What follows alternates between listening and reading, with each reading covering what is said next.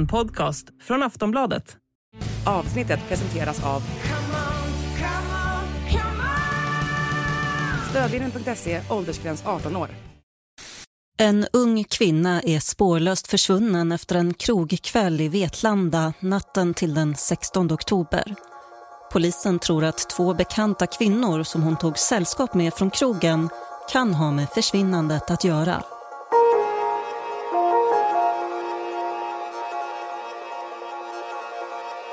Hon hette Tove och var 21 år. Hon hade tagit uppehåll i studierna till läkare en termin och bodde därför hemma i Vetlanda igen. När hon inte kom hem efter en utekväll på en nattklubb befarade polisen omgående att hon utsatts för ett brott. Försvinnandet var en gåta. Trots mycket omfattande sökinsatser och efterlysningar i massmedia kunde hon inte hittas. Men utredarna kunde snart säkra det ena spåret efter det andra. Och de pekade alla i en och samma riktning. Mot två unga, tidigare ostraffade kvinnor. Det här är mordet på Tove. Ett avsnitt av podden Aftonbladet Krim. Jag heter Anders Johansson.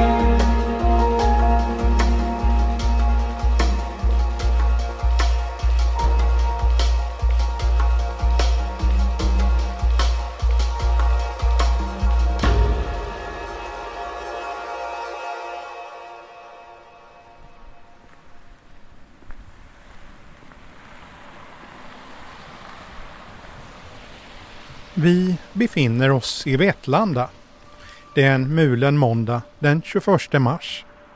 Det senaste snöfallet har töat bort de senaste dagarna och det börjar kännas som vår i luften.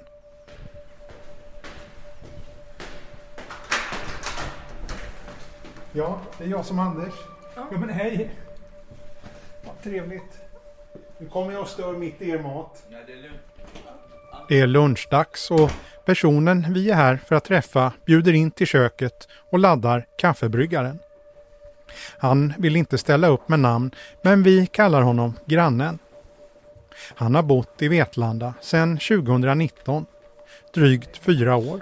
Uh, I det här området så i vanliga fall är det lugnt och, och fint område. Det är trevliga grannar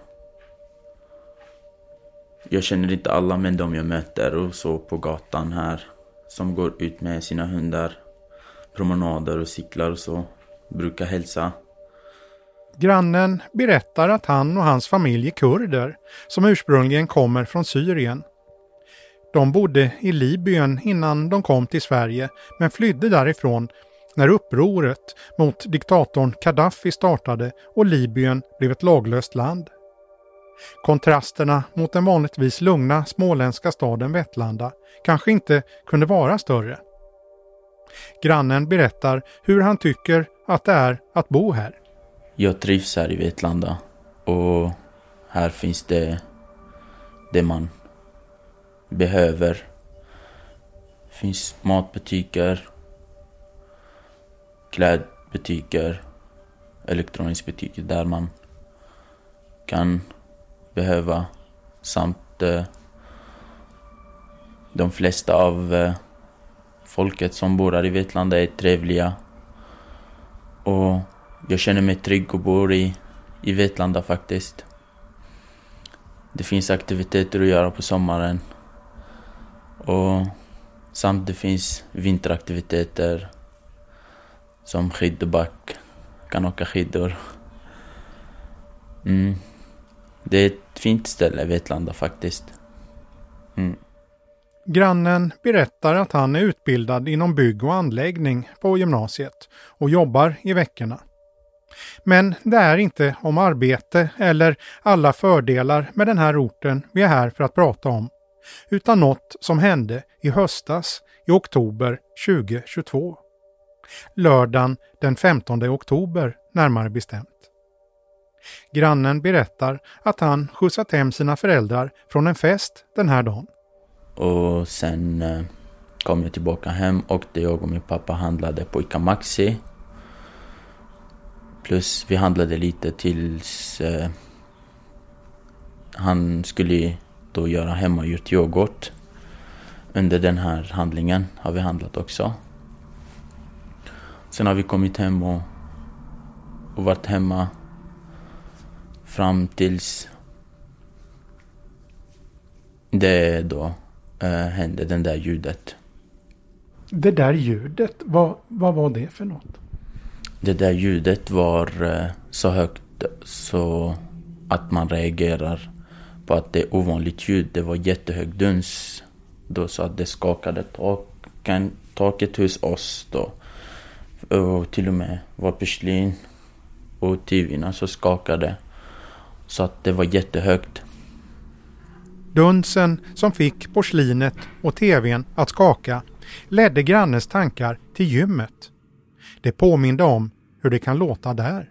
Det var eh, mellan 50 till 100 kilos eh, tungt sak som man bara kastar på marken och, och det där ljudet.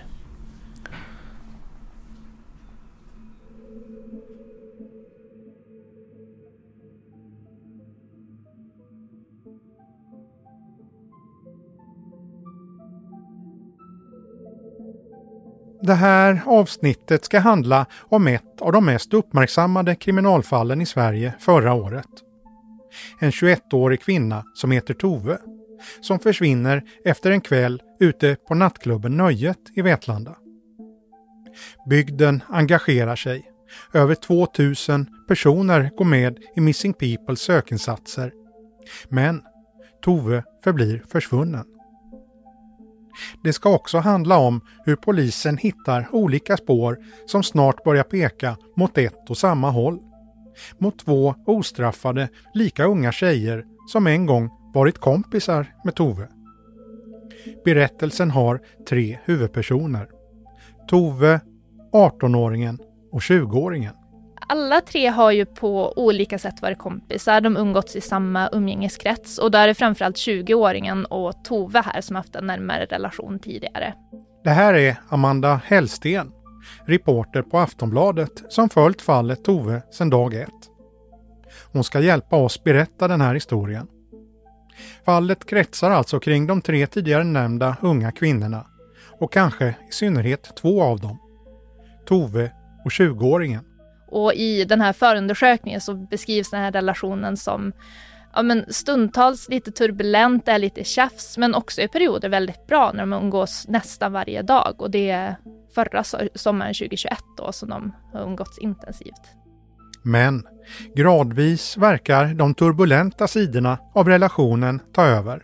Det man märker är att liksom det här är ett kompisgäng, alla har känt varandra, men någonting har hänt som har gjort att de har blivit ovänner sen. Konflikten mellan 20-åringen och Tove tycks handla om flera mindre bråk. Som jag förstår det är det ju flera mindre konflikter. Eh, småtjafs, eh, 20-åringen anklagar Tove för att ha varit otrogen mot en kille till exempel.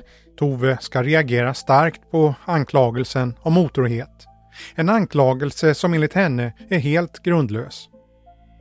Den anklagelsen ihop med de andra småbråken blir till slut nog. Och till slut så bryter 20-åringen och Tove kontakten med varandra. Enligt vänner till de båda så bryter de kring årsskiftet 2021-2022. På ytan ser det här ut som en ganska vanlig konflikt. Två kvinnor i 20-årsåldern som först är vänner och sen glider ifrån varandra. Men 20-åringens konflikt med Tove verkar vara något annat än ett vanligt bråk.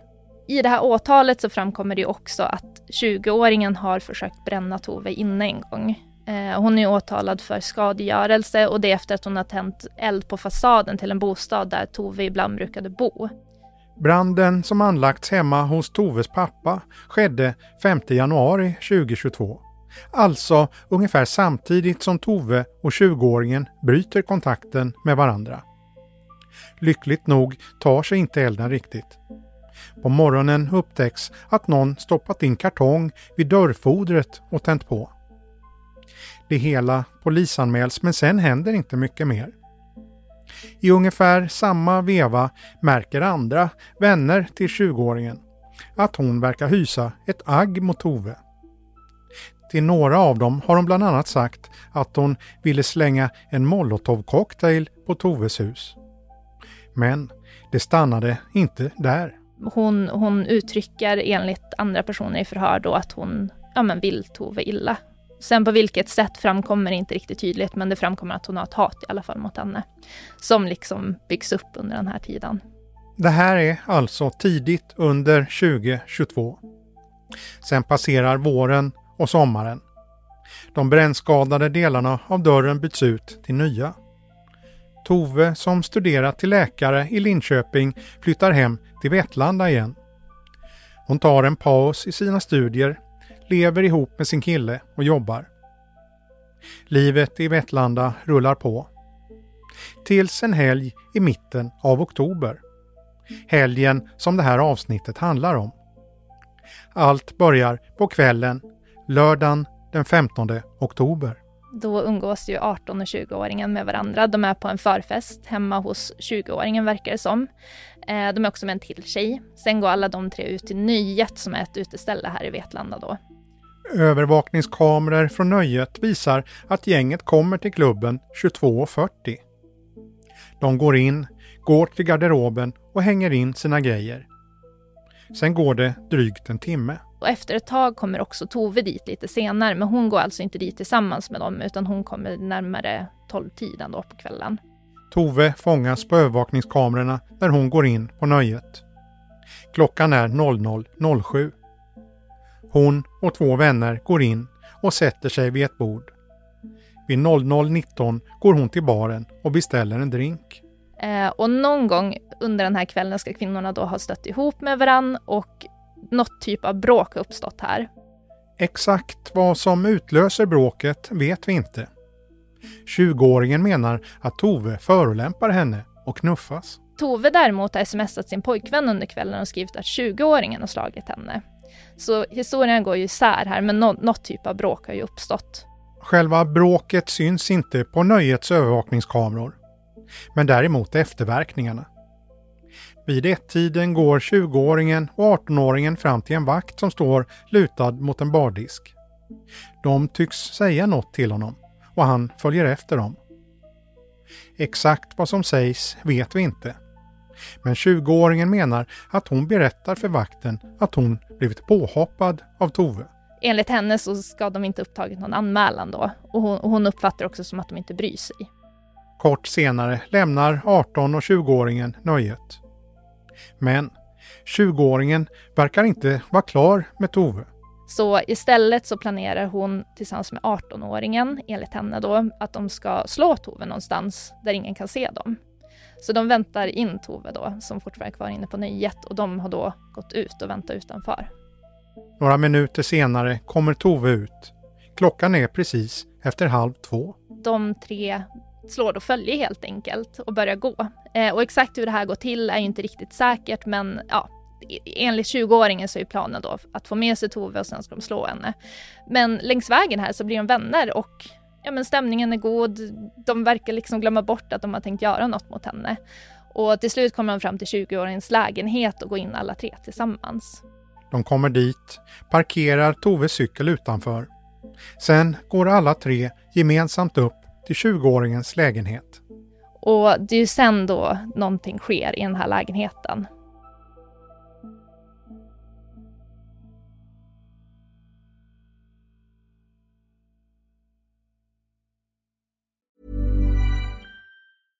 Ryan Reynolds here from Mint Mobile. With the price of just about everything going up during inflation, we thought we'd bring our prices down. So to help us, we brought in a reverse auctioneer, which is apparently a thing. Mint Mobile unlimited premium wireless. Ready to get 30, 30, bit to get 30, bit to get 20, 20, 20, bit to get 20, 20, bit to get 15, 15, 15, 15 just 15 bucks a month. So, Give it a try at mintmobile.com/switch. slash $45 up front for 3 months plus taxes and fees. Promo rate for new customers for limited time. Unlimited more than 40 gigabytes per month slows. Full terms at mintmobile.com.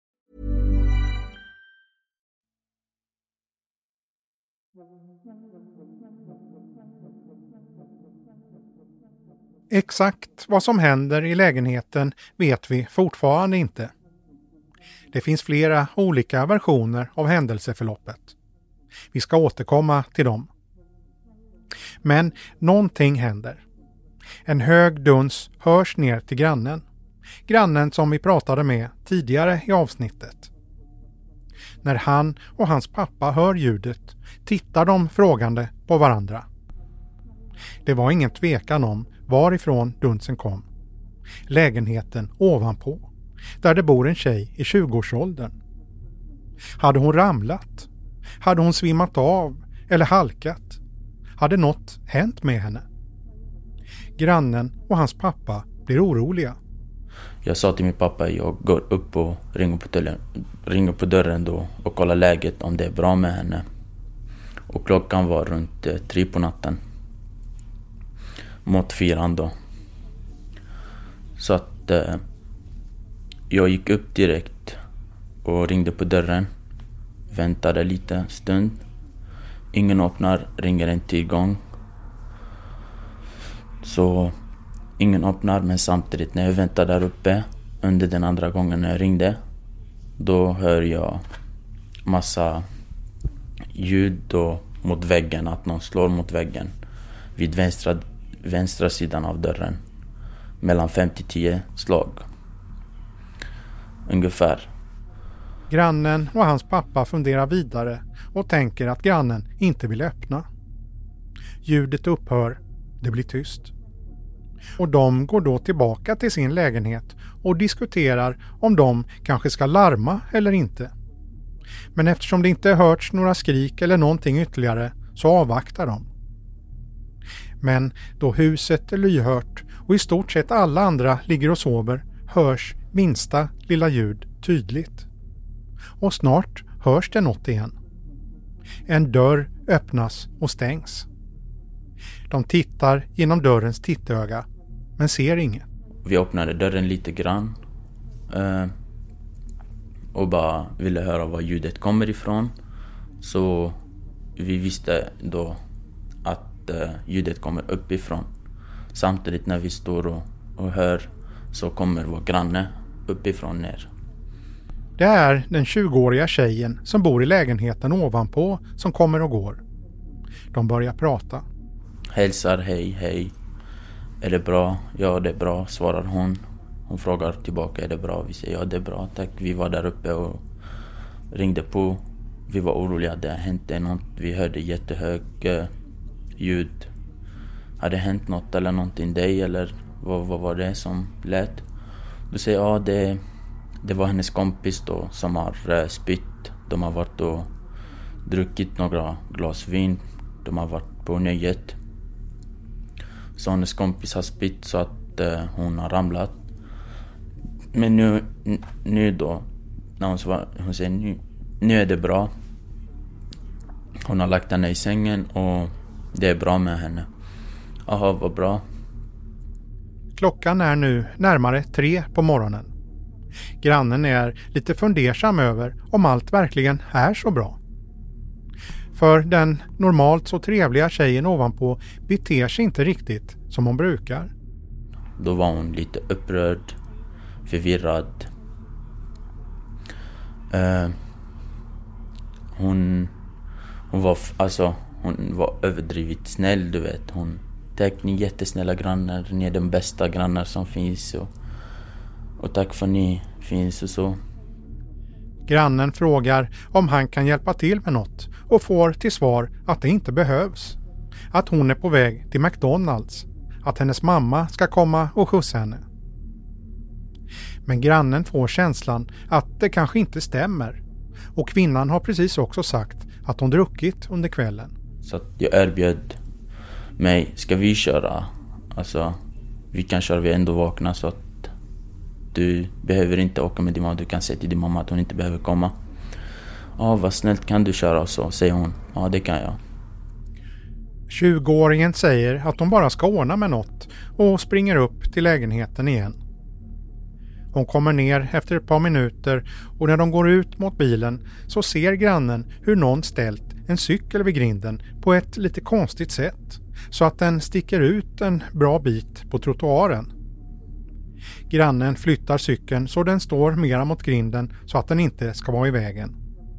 20-åringen säger då att det är hennes kompis cykel, att kompisen lämnat den där. De sätter sig sen i bilen och åker mot McDonalds.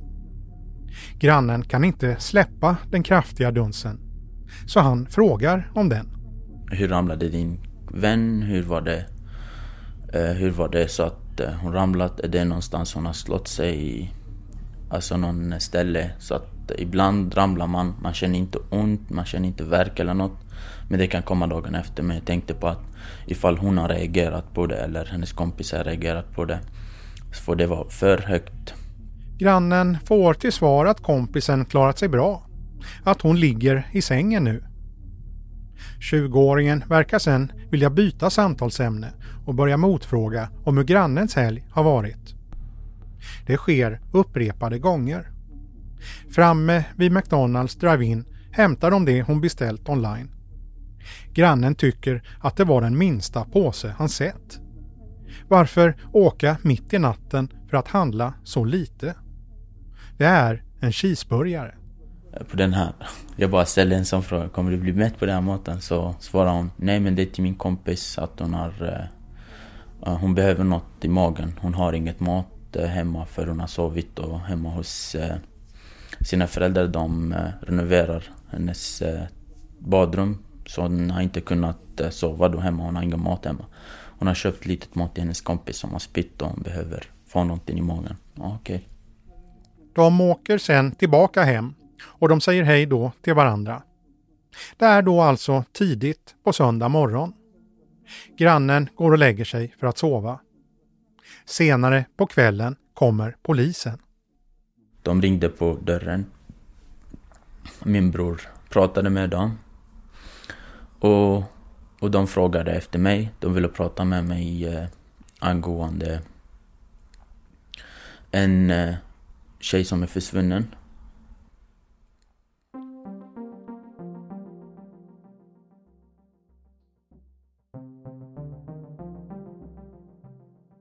Redan tidigt under söndagen förstår Toves anhöriga att något är fel.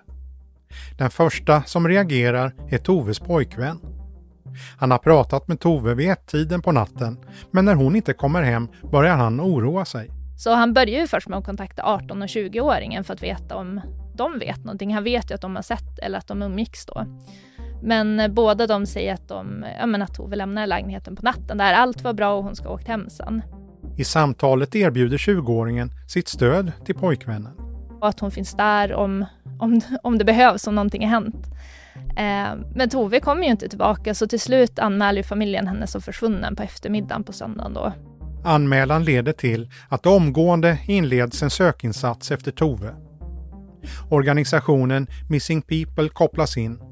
Privatpersoner är ute och letar och polisen börjar kartlägga de sista spåren efter Tove och spåren leder mot 18-åringen och 20-åringen som såg sist tillsammans med Tove och som dessutom beter sig lite märkligt under söndagen.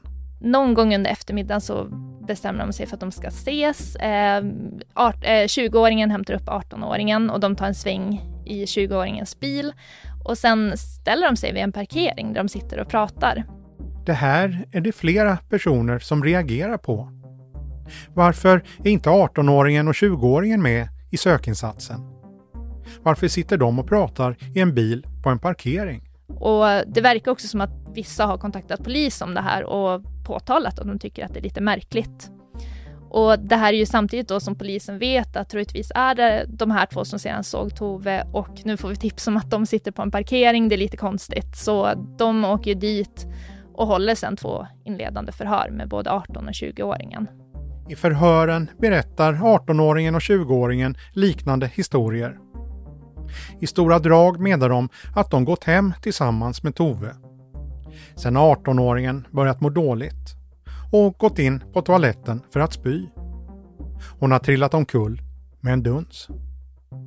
20-åringen hjälper 18-åringen på toaletten och i samband med det här går Tove hem. De två kvinnornas berättelser är snarlika. Men de verkar inte stämma överens helt och hållet. Och som jag har förstått det så verkar deras historia gå isär lite grann så polisen fattar ju snabbt, snabbt misstankar om att det är någonting som inte stämmer här. Sent på söndagskvällen kontaktar polisen 20-åringen igen. I förhöret står att de vill klargöra uppgifter kring Toves cykel. 20-åringen säger att den stått låst utanför hennes port. Sen var den borta när hon kom tillbaka från McDonalds. Svaren verkar inte skingra polisens misstankar. Natten går och det blir måndag. Tove har nu varit försvunnen ett och ett halvt dygn. Men för 18-åringen och 20-åringen verkar livet rulla på som vanligt. De fortsätter sina liv i princip som att ingenting har hänt. 18-åringen åker till skolan, 20-åringen åker till sitt jobb. Um, och då kommer ju polisen först till 18-åringens skola, tar in henne för förhör och sedan åker de också till 20-åringens jobb och tar in henne på förhör. Och i samband med det så grips båda misstänkta för människorov. Mycket oklart och Tove är fortfarande borta. Så då vet man ju fortfarande inget. Det enda man vet är att Tove är borta. Men de har ingen kropp, de vet ingenting. Hon kan vara vid liv, hon kan vara död. Det, det är sånt de inte vet då. Så där är det ju människorov. I de första förhören nekar kvinnorna. De berättar samma historia som tidigare. Att de varit i lägenheten med Tove och sen har hon gått hem. En del saker tycks kvinnorna ha lätt att förklara. Andra saker är svårare. Varför är 20-åringens säng till exempel full av granbarr? Hur kommer det sig att hon lagt en rulle svarta sopsäckar på köksbordet? Och hur var det egentligen med Toves cykel? 20-åringen och 18-åringen håller sig till ungefär samma berättelse som tidigare. Polisens utredning fortsätter. I samband med att de grips också så tar ju polisen de här kvinnornas telefoner och börjar sätta igång och söka igenom telefonerna. Och efter några dagar så börjar de få fram mer och mer platsdata. De ser hur de har rört sig och de ser framför allt att 20-åringen har varit på olika platser under natten. De här spåren i 20-åringens mobil stärker polisens misstankar. De går inte ihop med hennes berättelse. Varför är hennes mobil ute och åker en massa kilometer mitt i natten när hon bara åkt fram och tillbaka till McDonalds? Det är framförallt en detalj i platsdatan som polisen fastnar för. Hon har åkt en längre sväng med en bil och hon har befunnit sig ungefär en halvtimme på en plats i skogen en bit utanför Vetlanda. Så där börjar de misstänka att någonstans där kanske Tove kan vara. Platsdatan är emellertid inte så pass exakt att det bara är att åka dit och söka. Polisen frågar 20-åringen hur hon ska förklara att hennes mobil är ute och åker mitt i natten. Då kommer en ny historia. Hon och 18-åringen har bakat haschkakor och åkt ut för att äta dem i skogen. Men de ska ha ångrat sig och sen åkt hem igen. Nu börjar de båda kvinnornas berättelser gå isär. 18-åringen känner inte alls igen sig i att de ska ha varit ute och åkt bil.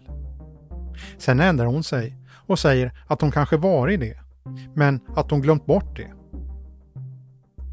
Tove är fortfarande borta och sökinsatsen fortsätter.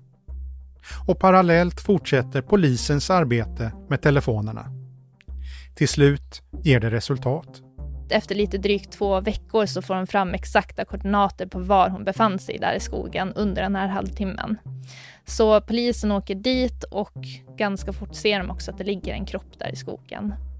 Och det visar sig också att det är Tove då som ligger på den där platsen.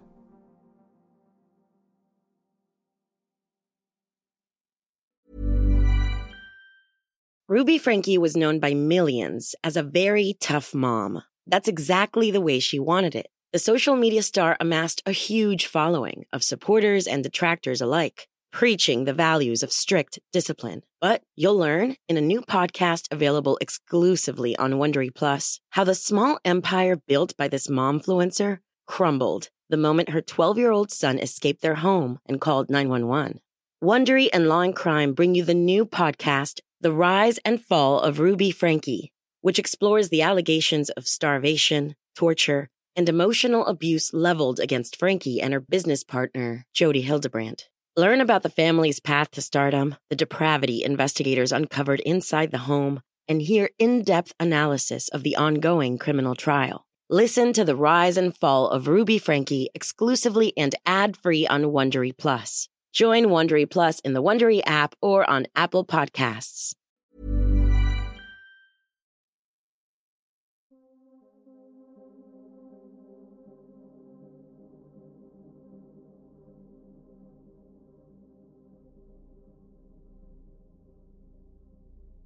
När Toves kropp hittas är den illa tilltygad. Någon verkar ha tänt eld på den och resterna av en bränd bensinflaska hittas invid kroppen. Det ska senare visa sig att den är invirad i ett lakan. Polisens tekniker ser snabbt att kroppen legat där en längre tid. Det har gått mer än två veckor sedan hon försvann. Nyheten om fyndet når medierna kort därefter. På kvällen håller polisen presskonferens. Idag har polisen i en riktad sökinsats anträffat en död kropp. Och vi kan bekräfta att det är den försvunna kvinnan som anträffats och de anhöriga är underrättade. En viktig del för oss för att komma vidare i utredningen har varit att anträffa kvinnan. Nu kan vi avsluta efterforskningsarbetet efter den här kvinnan och fullt gå in i nästa fas som handlar om att i utredningsarbetet utreda vad det är som faktiskt har inträffat. Tove hittas alltså den 2 november.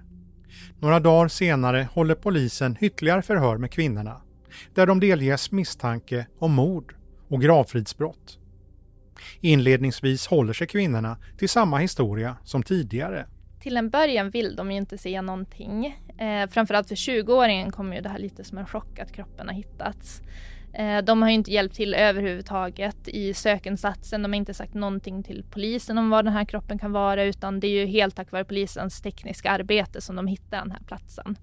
Men ju längre utredningen går desto svårare blir det för de två misstänkta kvinnorna att komma runt bevisningen. Polisen gör bland annat flera fynd i 20-åringens mobil. En mängd raderade sökningar som de lyckats återskapa fångar deras intresse. Och då har hon ju bland annat sökt på mörda någon diskret, hur kommer man undan med ett mord, brott mot griftefriden, eh, hamna i fängelse. Det är många konstiga sökningar där. Hon har även sökt på att bränna någon inne.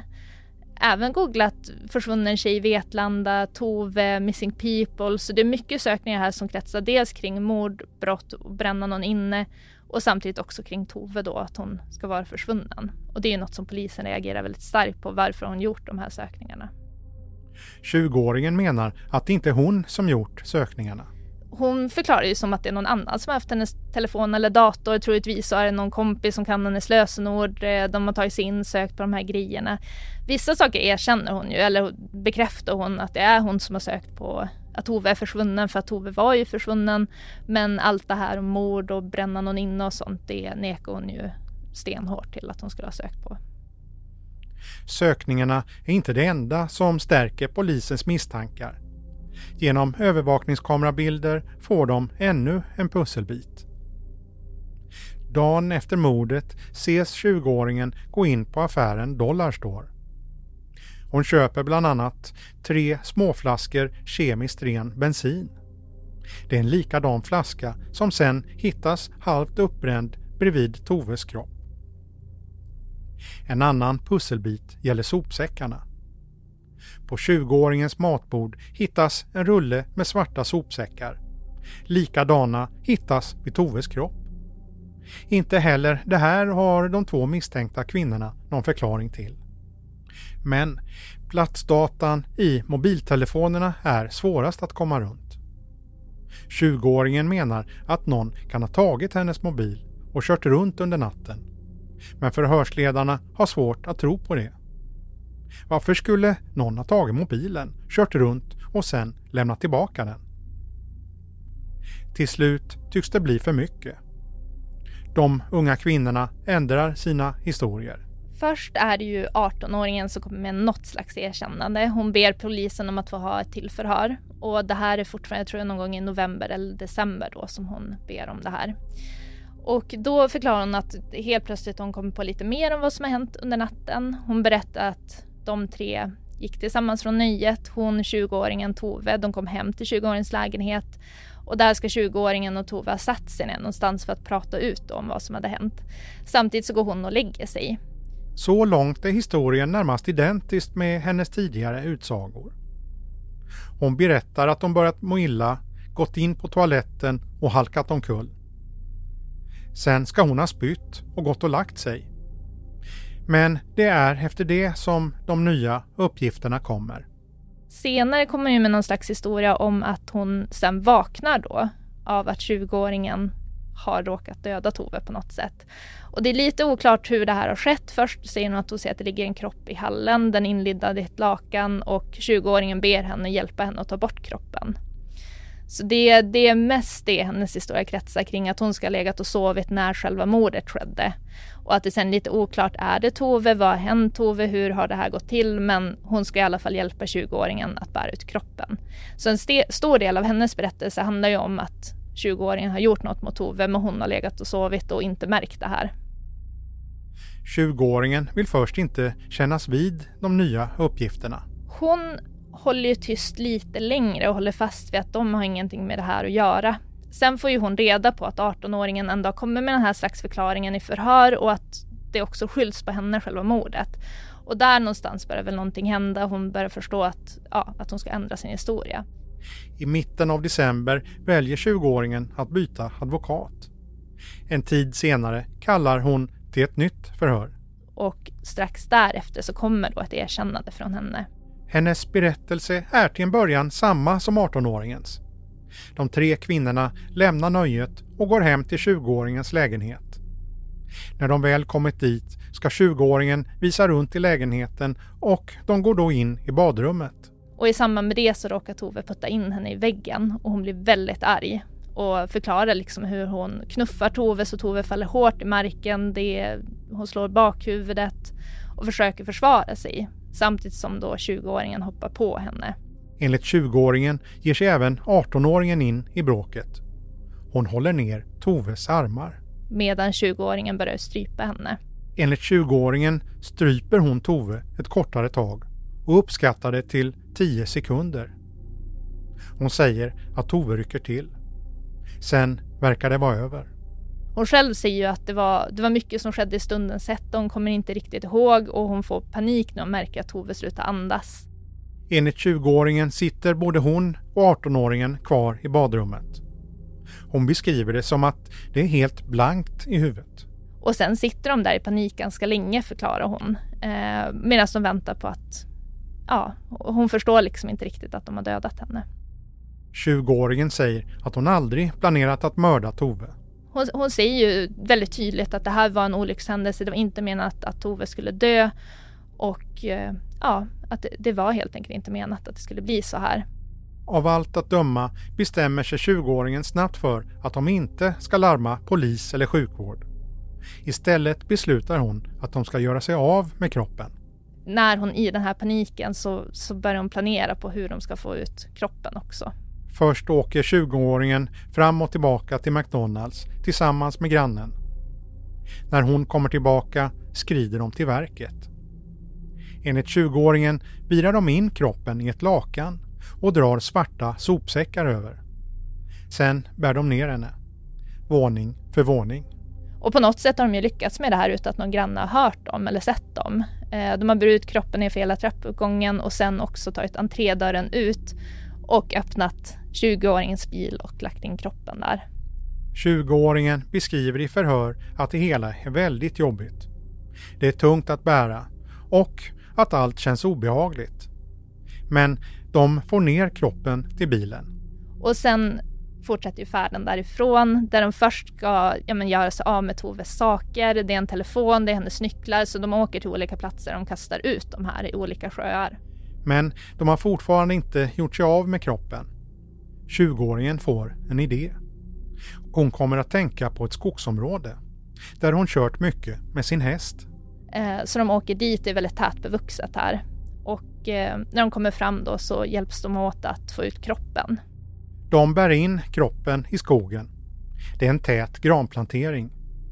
De lämnar kroppen åtta meter in från grusvägen. Efter att de har lagt ner kroppen så går 18-åringen tillbaka till bilen och 20-åringen går och hämtar eh, grejer att elda med. Och för hon tänker att ja, men, kroppen ska inte ligga här och ruttna utan jag vill jag, jag ska bränna upp den. Jag vill bli kremerad och därför vill jag elda upp den här också.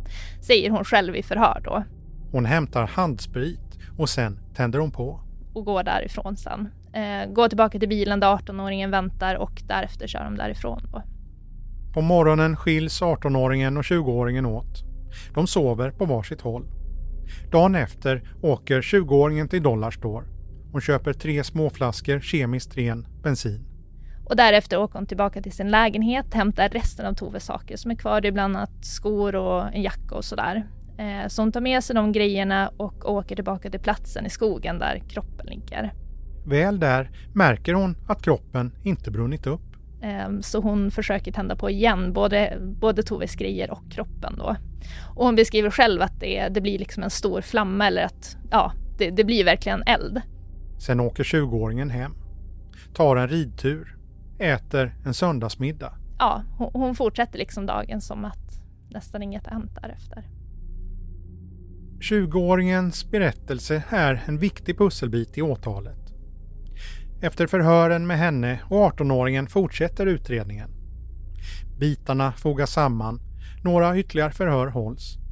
Den 17 mars, på dagen fem månader efter att Tove försvann, väcker åklagaren åtal. Båda kvinnorna åtalas för mord och grovt gravfridsbrott. 20-åringen åtalas dessutom för skadegörelse. Åklagaren Adam Rullman menar att båda är skyldiga till att Tove är död. Han bygger väldigt mycket av sitt åtal på dels förhör. Han har förhör, eller polisen har ju förhört jättemånga människor som känner de här personerna som har varit inblandade. Han bygger det också på 18 och 20-åringens berättelser eller erkännanden. Samtidigt som de också har väldigt mycket data från mobilen, hur de här tjejerna har rört sig båda två. Och en stor del av bevisningen bygger just på den här platsdatan, sökningarna som har gjorts i telefonen och framför allt hur kvinnorna har rört sig. Och till exempel här, för att 18-åringen har ju inte erkänt att hon har varit delaktig i mordet. Eh, det är 20-åringen som berättar det, att hon har hjälpt till. Men det de kan se, det polisen har sett, är ju att hennes telefon har rört sig under natten när mordet sker. När hon själv säger att hon ligger och sover, så säger de, men vi ser att din telefon har rört sig, du har gått ett visst antal steg. Så det är mycket teknisk bevisning, det är mycket där som, som man bygger upp åtalet, framförallt mot 18-åringen där. Två veckor efter att åtalet är väckt är det slutligen dags för rättegång.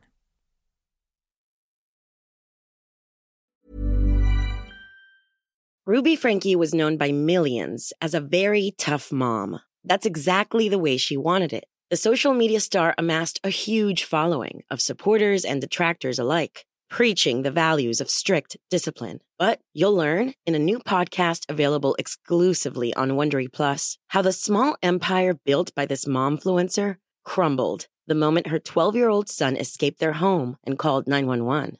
Wondery and Law and Crime bring you the new podcast The Rise and Fall of Ruby Frankie, which explores the allegations of starvation, torture, and emotional abuse leveled against Frankie and her business partner, Jody Hildebrandt. Learn about the family's path to stardom, the depravity investigators uncovered inside the home, and hear in depth analysis of the ongoing criminal trial. Listen to the rise and fall of Ruby Frankie exclusively and ad free on Wondery Plus.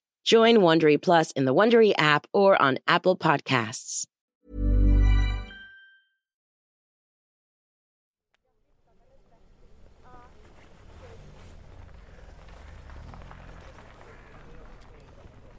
Vi är utanför Eksjö tingsrätt. Det är den 27 mars och klockan är strax före åtta. Det som nyss såg ut som vår har blivit vinter igen. Snön ligger tät på marken. Det är kallt och friskt, runt fem minus, men solen skiner. Utanför tingsrätten har det bildats en lång kö.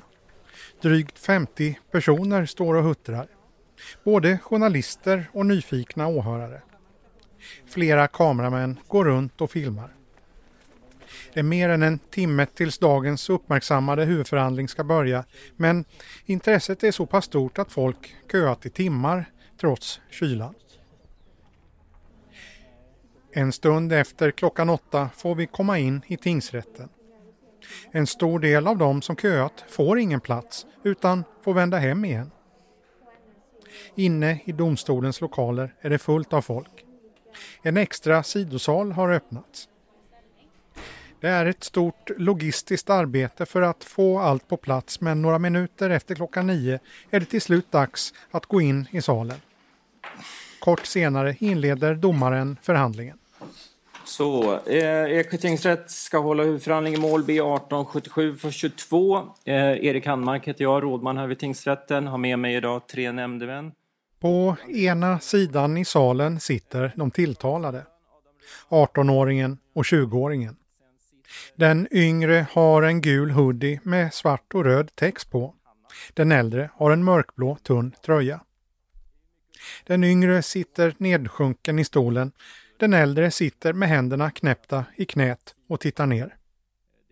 På andra sidan i salen sitter Toves anhöriga. Familj och pojkvän. Till vänster om dem åklagaren Adam Rullman. När domaren gått igenom lite ordningsregler lämnar han över ordet till åklagaren. Åklagaren får börja, varsågod. Ja, tack. Eh, vill ordföranden att jag tar punkt för punkt eller kan jag läsa samtliga gärningar? En stor del av den här första dagen ska ägnas åt åklagarens berättelse.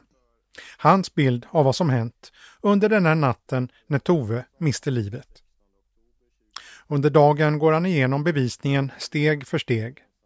Mycket känns igen från förundersökningen. Hur mobilerna rör sig under natten, skadorna på Toves kropp och kvinnornas berättelser i förhör.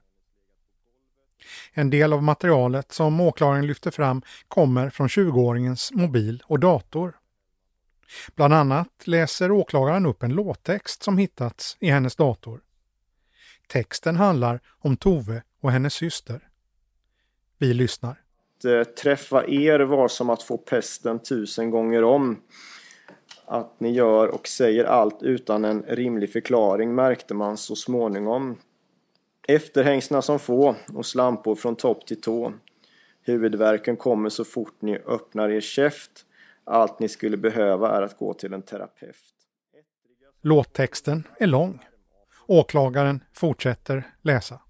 Den fortsätter. Nu, ni slänger era anklagelser till höger och vänster. Ni är verkligen inrutade på att göra djävulen tjänster.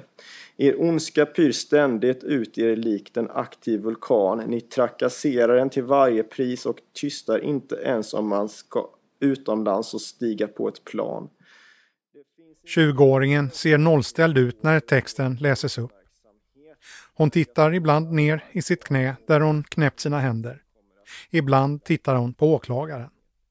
Det är svårt att utläsa några uttryck i hennes ansikte.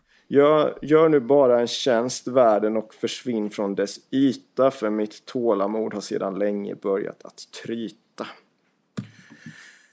En annan punkt som åklagaren lägger vikt vid är de sökningar som gjorts med 20-åringens mobil. Fynden från mobilen läses upp ett efter ett. Då är det sökningar brand Vetlanda, mordbrand Vetlanda. Kan man dö av råttgift? Mörda någon diskret? Nedbrunnet hus Vetlanda, nedbrunnet hus Vetlanda 2022. Bästa hämnden på en narcissist. Bästa hämnden, bästa hämnden på en exvän. Bästa hämnden, tufft rengöringsmedel. Sökningarna och låttexten kan inte ses som några direkta bevis för vad som hänt under kvällen. Det rättsmedicinska protokollet gör däremot det, enligt åklagaren. Rättsläkaren menar att obduktionen visar att Toves död inte var någon olyckshändelse. Åklagaren Adam Rullman igen. Undersökningsfynden talar starkt för att dödsfallet orsakats av annan person. I tillägg har vissa frågor besvarats. Däribland anges att eh, skadorna på huvudet har inte varit dödliga. Det kan inte uteslutas att de har gett upphov till viss medvetandepåverkan. Den samlade skadebilden utesluter olyckshändelse. Samtliga på halsen påvisade skador är karaktäristiska för yttre våld mot halsen utövat av annan person. Det här ska bli en knäckfråga. För när ordet senare lämnas över till advokaten Clea Sangborn, som alltså försvarar 20-åringen, så är det just det rättsmedicinska protokollet som hon angriper. Och åklagaren påstår då att Tove har dött genom kvävning. Och det kan jag möjligen hålla med om att hon har gjort. Men jag är, håller inte med om att det har skett genom det här stryptaget. Eh, och skälet till det då är Försvarets linje är i korta drag. Tove har dött av kvävning, inte av strypning. Clea Sangborn menar att själva strypningen bara pågått ett kort tag och att den inte varit tillräcklig för att Tove skulle dö. Den korta strypningen är förklaringen till skadebilden på Toves hals. Av det stryptaget så har målsäganden fått de här skadorna på halsen. Alltså och de här skadorna på halsen, det är oväsentliga skador för döden för att människor stryper varandra i hemmet ganska ofta. Det är kvinnor som blir strypta, inte till döds, men det är exakt samma skador vid strypning som vid icke... Alltså strypvåldet kan vara dödligt eller icke dödligt och det här våldet på halsen är inte dödligt. Istället menar Clea Sangborn att det som hänt är att Tove kvävts av sina egna uppstötningar andra typiska fynd för kvävning genom strypning än just de här på halsen. Det saknas i det här fallet. Och jag kommer gå vidare snart. Och där kommer min invändning då att det finns starkare stöd för annan kvävningsmekanism än strypning. Och då är det då inandning av kräks till luftstrupen och lungorna. Och det dör man av, det är som att drunkna, det är en dödlig mekanism och det leder till samma fynd. Som bevis pekar försvaret på gjorda fynd som styrker den här teorin. Men kanske framförallt bristen på fynd som stärker teorin om strypning. Enligt försvaret saknas en viss typ av skador på halsen som brukar återfinnas efter att någon strypts till döds. Det finns inga yttre skador på halsen. Det finns inte skador på köldbrosk och tungben som, som då rättsläkaren säger att det är där som skulle ha tryckt. Men där finns det inga skador heller. Och sen finns det inte sådana fynd som man brukar hitta vid strypning, nämligen tungblödning in och skador runt munnen. Och det är för många normala fynd vid strypning för att man med lätthet ska kunna säga att, stryp, alltså att kvävningsmekanismen är strypning. Så den slutsatsen, den ifrågasätts. Det här är alltså en ny teori som inte presenterats tidigare. Clea Sangborn menar att det här innebär att vi faktiskt inte vet hur Tove dog och att mordåtalet därmed ska falla. Och därför säger jag att det saknas tillräckliga fynd som talar just för kvävning genom strypning. Det finns fynd talande för kvävning genom inandning av den här magsäcksinnehållet.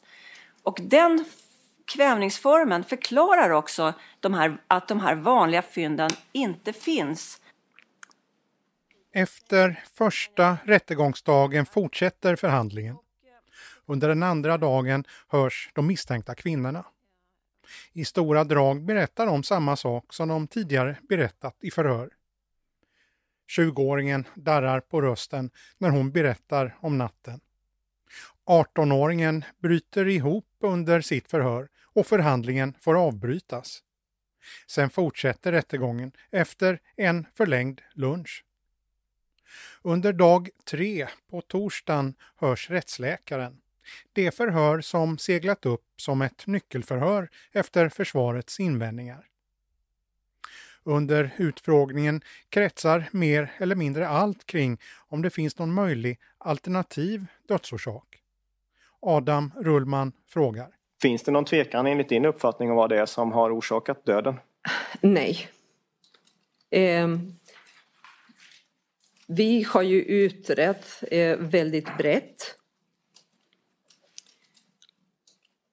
och förutsättningslöst. Eh, vi har ju följt eh, några huvudspår från början. Och det var ju yttre våld mot halsen, skadorna på hjärnan, traumatiskt betingade skadorna på hjärnan. Vi har ju utrett eventuell inandning av magsäcksinnehåll. Och sen så har vi ju eh, utrett eventuella andra konkurrerande dödsorsaker och eventuella påverkan i form av toxikologisk påverkan. Och vad har ni då kommit fram till? Vi har ju inget stöd för någon annan dödsorsak än strypning. Senare under dagen ifrågasätter Clea Sangborn återigen rättsläkaren. Men hon står på sig. Sen kommer vi till slutpläderingarna. Åklagaren Adam Rullman börjar och kommer snabbt till kärnan i målet. Enligt min uppfattning så är det styrkt att Tove har dött till följd av kvävning. Och kvävningen har skett till följd av yttre våld mot halsen. Tove har alltså strypts till döds. Han radar sen upp de bevis som enligt honom pekar på att både 18 och 20-åringen gjort sig skyldiga till mord. Han pekar bland annat på vad vi vet om själva händelsen, men lägger även vikt vid hur de båda agerat efter Toves död.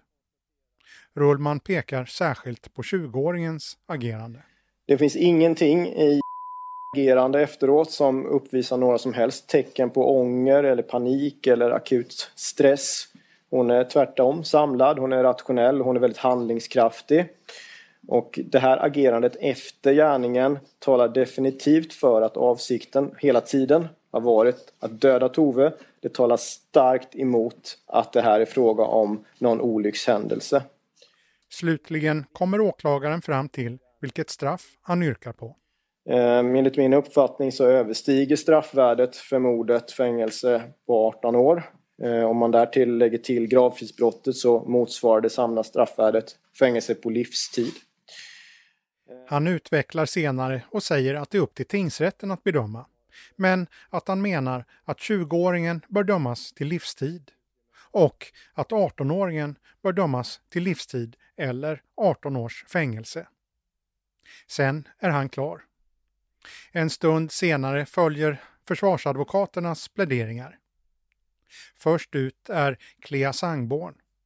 Argumentationen känns igen från hennes sakframställan att Tove inte dött av strypning utan av kvävning av andra orsaker. Hon tycks mena att rättsläkaren drabbats av en form av tunnelseende och därför landat i slutsatsen att Tove dött genom strypning. Slutsatsen menar jag då, om man skulle stoppa de här fynden, om vi, om vi, inte, om vi inte hade för en tro som leder oss i en viss riktning så att säga, vi tror att det ska vara på ett sätt och vi leder, oss, vi leder oss själva dit. Om det inte vore för det, utan vi säger att en AI, nu alla ungdomar kommer jag uttrycka mig helt fel förmodligen, en AI-dator är min idé om vad, vad det heter. Att man då, det är en helt oberoende dator som inte har någon förutfattad mening. Om man skulle stoppa ner de här fynden och inte göra en gallring innan man stoppar fynden. Stoppa alla fynden i datorn och tala om vilket är mest troligt här. Aspiration eh, eller då strypning. Och då är jag ganska säker på att den här datorn har tyckt, ja det är massor med fynd som talar för aspiration och väldigt få som talar för strypning. Så jag tror att den hade valt, jag tror att det skulle kunna blivit så att den har valt aspiration som kvävningsmekanism. Därmed menar hon att det finns rimliga tvivel om dödsorsaken.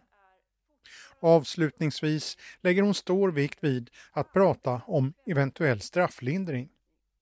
Skulle hennes klient fällas menar hon i vilket fall att det inte är motiverat med livstid, utan i så fall 16 års fängelse.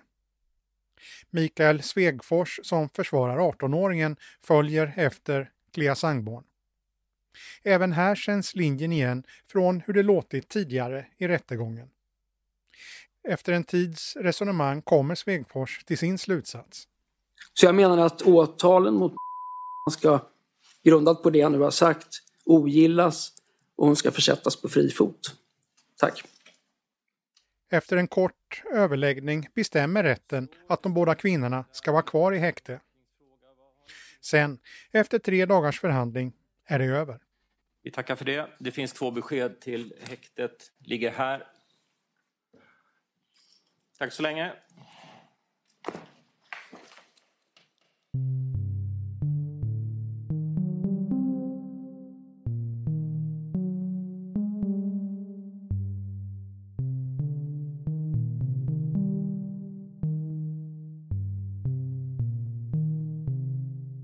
När det här spelas in är det fortfarande några veckor kvar tills dom faller. De båda kvinnorna har visserligen erkänt en del brott, men inte mord. Hur tingsrätten kommer bedöma det hela vet vi inte heller. Men i väntan på dom ska kvinnorna betraktas som oskyldiga. Två helt ostraffade tjejer som plötsligt blir misstänkta som mördare. Hur är det möjligt? Vi ställde frågan till Jenny Yorstone, doktor i psykologi vid Södertörns högskola och som forskat om kvinnors våldsbrott. Hon har följt utredningen om mordet på Tove och menar att fallet är så ovanligt att de två åtalade tjejerna kommer att skriva in sig i den svenska kriminalhistorien om de döms. Grovt sett, över tid, så begår kvinnor ett mord av tio. Nej, men det är ju så eh, att, att kvinnor begår dödligt våld är ju väldigt ovanligt. Och att två kvinnor dessutom begår dödligt våld är ju ännu mer ovanligt. Sen kan ju de här kvinnorna ha olika del i den här händelsen. Eh, men det, är, eh, det sticker ut eh, också tillvägagångssättet eh, som man normalt inte brukar se när det gäller kvinnligt dödligt våld. Och det är ju framförallt eh, tillvägagångssättet, att man eh, flyttar kroppen efter, eh, att man också vidtar åtgärder för att försöka dölja brottet och dessutom återvänder för att dölja brottet. Men sen har vi också eh, ytterligare saker att det här rör sig om väldigt unga människor. De har tidigare ostraffade och man eh, kan inte egentligen se någonting som sticker ut i, i liksom deras bakgrund. Eh, det brukar man ju också ofta se när det gäller kvinnor och dödligt våld och framförallt är de ju ofta äldre eh, och har en väldigt tung psykosocial bakgrund. Jenny Yorstone menar att tillvägagångssättet innehåller många komponenter som mer liknar manligt våld. En annan sån komponent är tjejernas agerande när de blivit misstänkta. Att de båda två, trots omfattande besvärande bevisning, nekar i förhören, månad efter månad.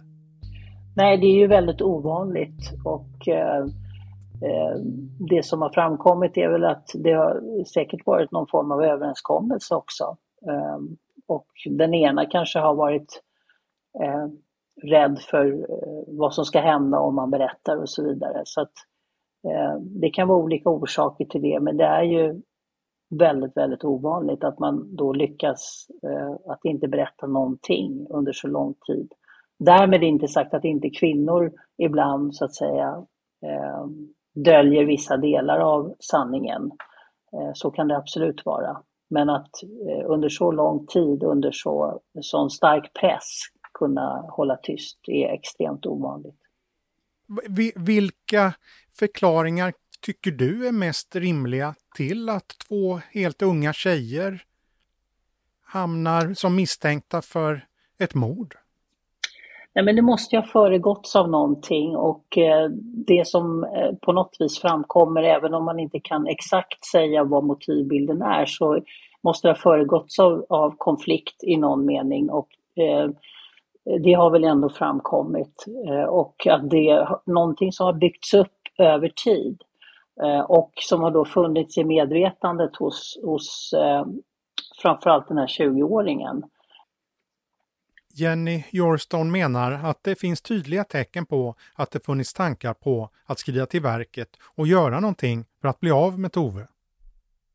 Inte minst menar hon att den brand 20-åringen är åtalad för att ha anlagt vid Toves pappas hus är en väldigt allvarlig varningssignal. 20-åringen har dessutom året dessförinnan, i april 2021, utretts för att ha försökt tända eld på dörren vid en tidigare pojkväns bostad. Eh, här signalerar ju den här personen att det är något som inte riktigt står rätt till.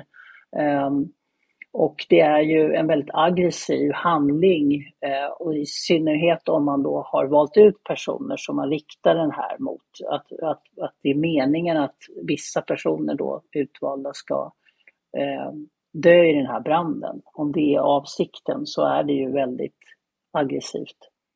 Branden vid Toves pappas hus misstänks ha anlagts i februari 2022, alltså drygt sju månader före dådet i oktober.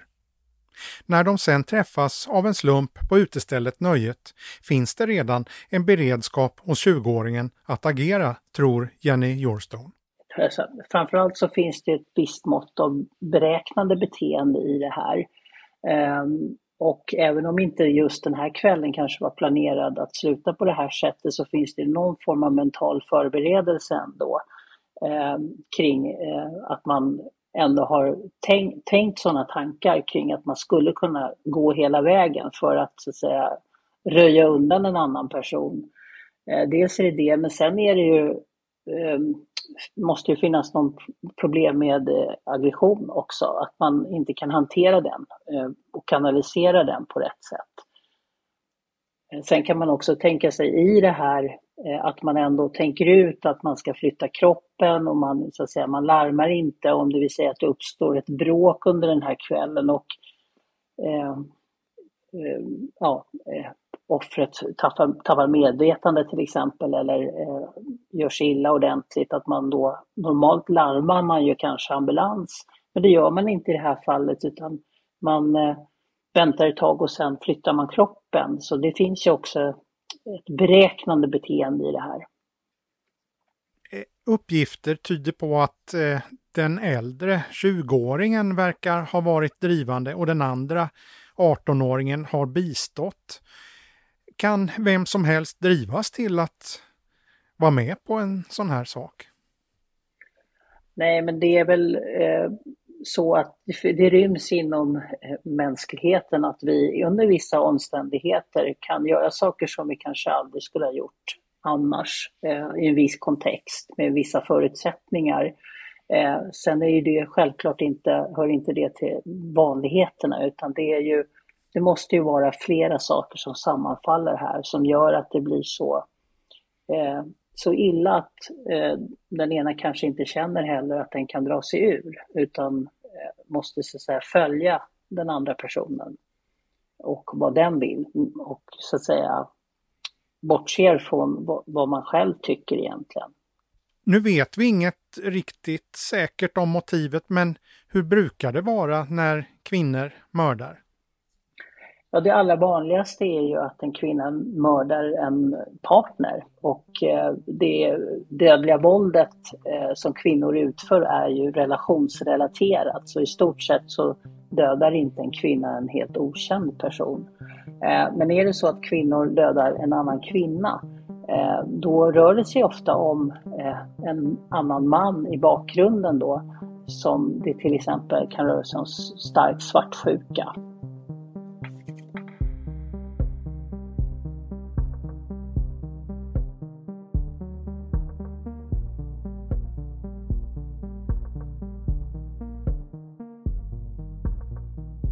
Det har gått snart ett halvår sedan grannen hörde den tunga dunsen. Närmaste tiden efteråt var omskakande och obehaglig. Han säger att han självklart förstår att polisen måste följa rutiner i sitt arbete, men i början fick han intrycket att de misstänkte att han hade med Toves försvinnande att göra. Det märktes på deras frågor.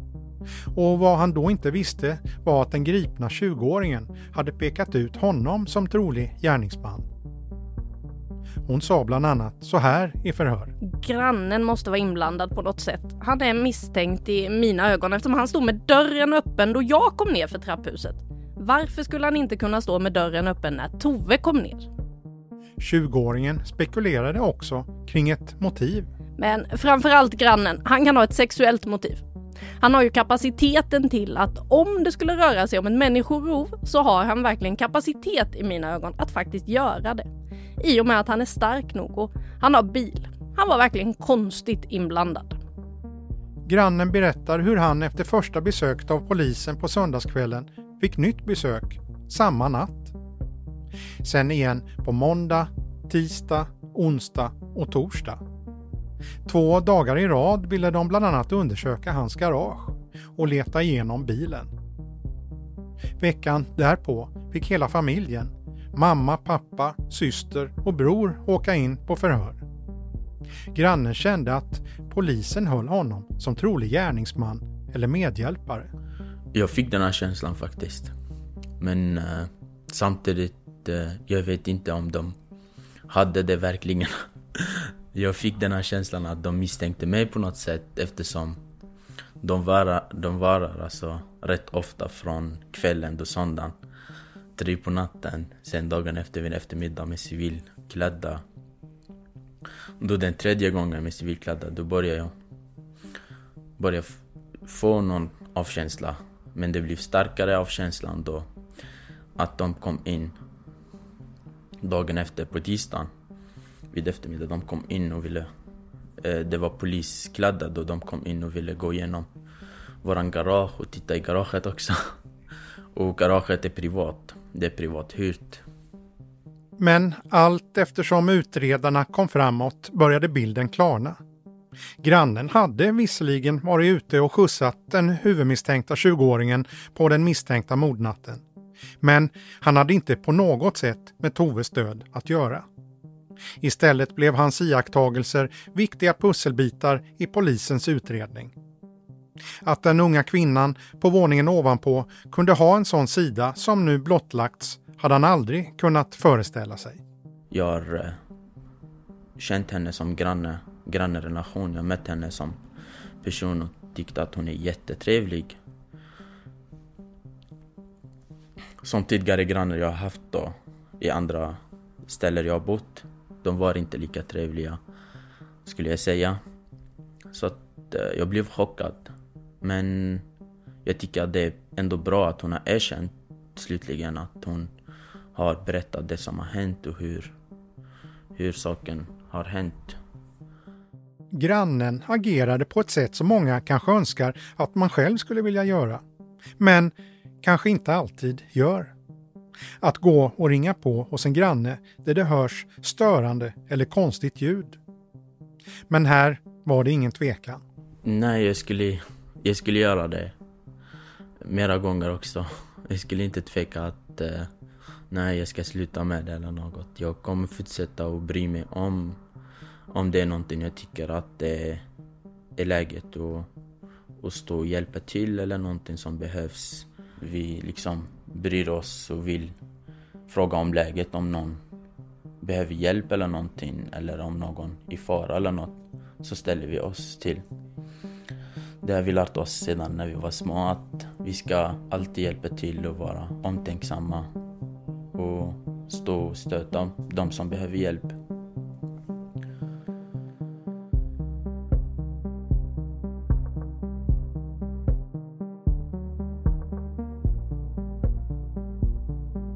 Du har lyssnat på ett avsnitt av podden Aftonbladet Krim. Klippen i programmet kommer från Sveriges Radio. Producent var Marcus Ulfsand. Jag heter Anders Johansson.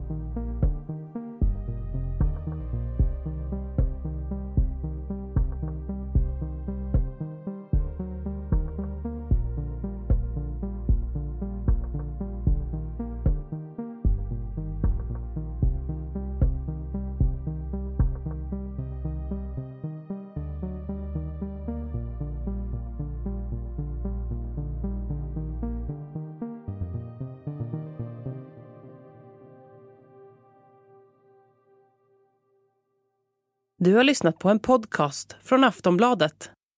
Ansvarig utgivare är Lena K Samuelsson.